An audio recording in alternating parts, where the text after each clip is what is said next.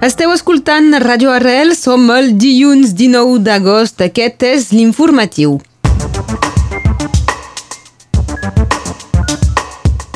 Allí va començar una nova edició de l'Universitat Catalana d'Estiu a Prada. Durarà fins diumenge.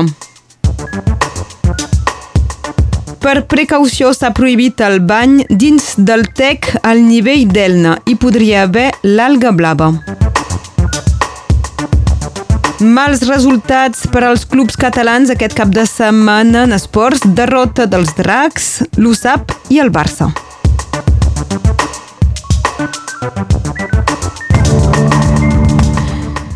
Molta circulació a les carreteres de casa nostra aquest cap de setmana. Com previst, les cues de cotxes que tornaven de vacances van ser importants al llarg dels dos dies, en particular dissabte a l'autopista entre Figueres i la frontera. Ahir es va inaugurar a Prada la 51a Universitat Catalana d'Estiu, de fet la 50a, amb aquesta denominació d'universitat. Just abans de l'acte inaugural, un col·lectiu ha volgut denunciar públicament la poca claredat que es fa sobre la veritat dels atemptats del 17 d'agost 2017 a Barcelona i Cambrils. Com s'havia de preveure, no s'ha deixat de recordar els presos i les preses polítiques, les exiliades i els exiliats, ni tampoc la República Catalana.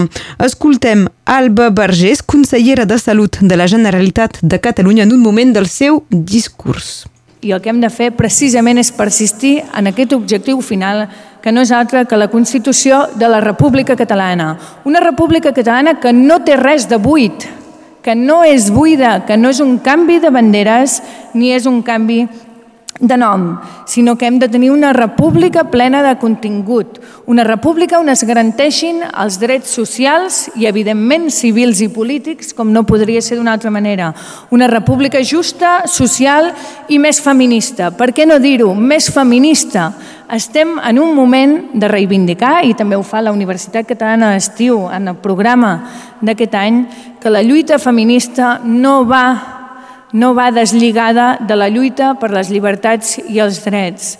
Aquí tinc un bolígraf de la Carme Forcadell que diu «Escrivim el futur amb tinta lila».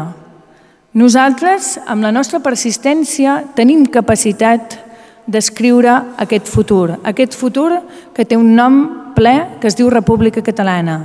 I moltes persones també el voldrem escriure amb tinta lila que demostra, demostra que volem lluitar pels drets de tothom, no només pels drets de les dones, sinó pels drets de tothom. La lluita feminista també va d'això i aquesta república també estarà plena d'això. Les paraules d'Alba Vergés, consellera de Salut de la Generalitat de Catalunya en un moment del discurs eh, de l'acte d'inauguració. La cinquantena Universitat Catalana d'Estiu se celebrarà fins al 24 d'agost. Entre les novetats hi ha una àrea dedicada al gènere. Destaquem també que el Premi Canigó, que recompensa cada any una persona o una entitat, serà atorgat al músic Jordi Sabay. L'acte d'aquest migdia al Liceu Renovier de Prada és un record per l'Aina Moy, en presència d'Agustina Vilarret, secretària d'Universitat i Recerca del Govern de les Illes Balears, Esther Franquesa, directora general de Política Lingüística de la Generalitat de Catalunya, Josefina Salord, eh, coordinadora científica de l'Institut Menorquí d'Estudis, Miquel Strube, excap del Servei de Normalització Lingüística de la Generalitat de Catalunya, i Susana Moy i Camaric, neboda boda d'Aina Moy.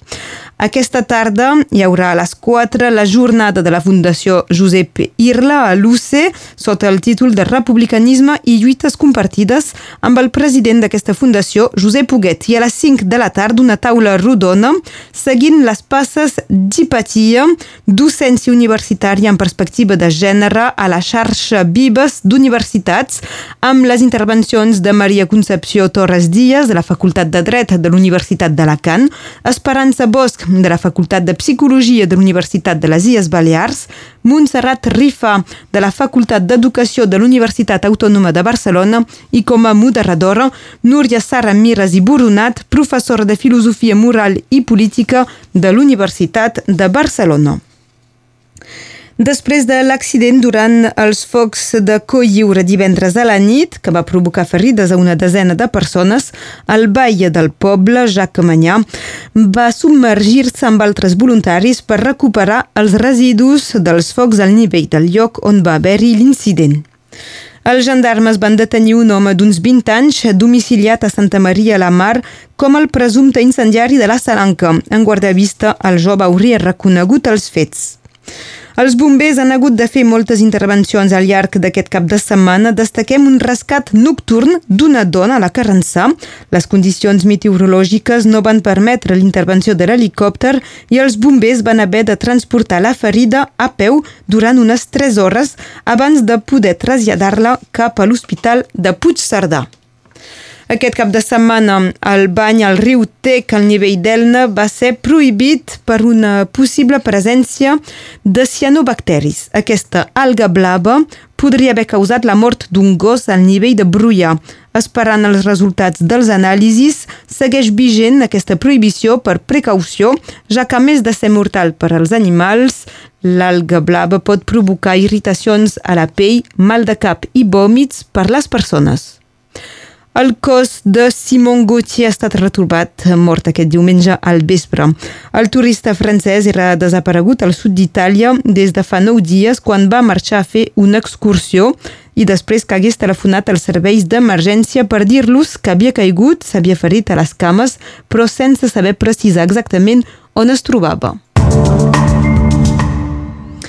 Parlem d'esports. En rugby a 13, els dracs catalans van perdre a casa contra els London Broncos pel resultat de 4 a 17 i veuen allunyar-se els play-off de la Superliga quan manquen 3 jornades per la fi de la fase regular. Els catalans són actualment a la setena plaça de la classificació a dos punts del cinquè. En rugby a 15 l'USAP va perdre en el seu segon i darrer partit amistós, era Bayona. La Pro de 2 comença aquest dijous amb la recepció de Béziers a Aimé Giral.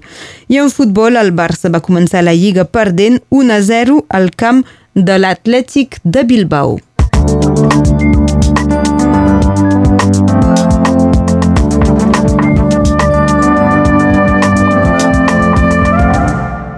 Passem a la previsió del temps amb l'Enric Balaguer.